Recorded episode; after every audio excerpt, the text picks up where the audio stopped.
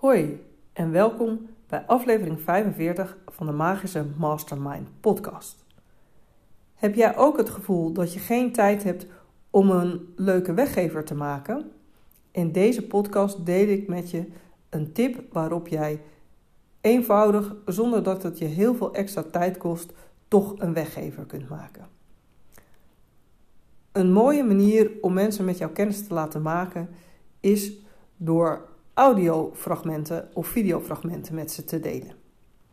En wil jij deze nu maken zonder dat je super zenuwachtig bent of uh, het gevoel hebt dat je de hele tijd speciaal moet praten voor je audio of video? Neem dan een keer een oefening of tips op terwijl jij met een klant aan het werk bent. En door hem op te nemen op het moment dat je hem echt vertelt aan iemand anders, krijg je een super authentieke uh, audio of video waarin mensen heel goed jou en je energie kunnen ervaren. En het kan natuurlijk zijn dat je dit één of meerdere keren moet doen. Maar ja, het gaat om oefeningen die je toch regelmatig met klanten deelt. En die je eigenlijk altijd deelt, waardoor je hem ook makkelijk gratis kunt geven.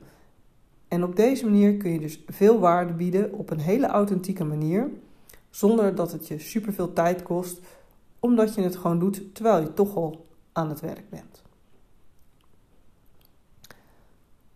Voor een weggever is het misschien mooi als je een serie oefeningen hebt en niet maar eentje. Dus je neemt een aantal keer de tijd om een fragment op te nemen.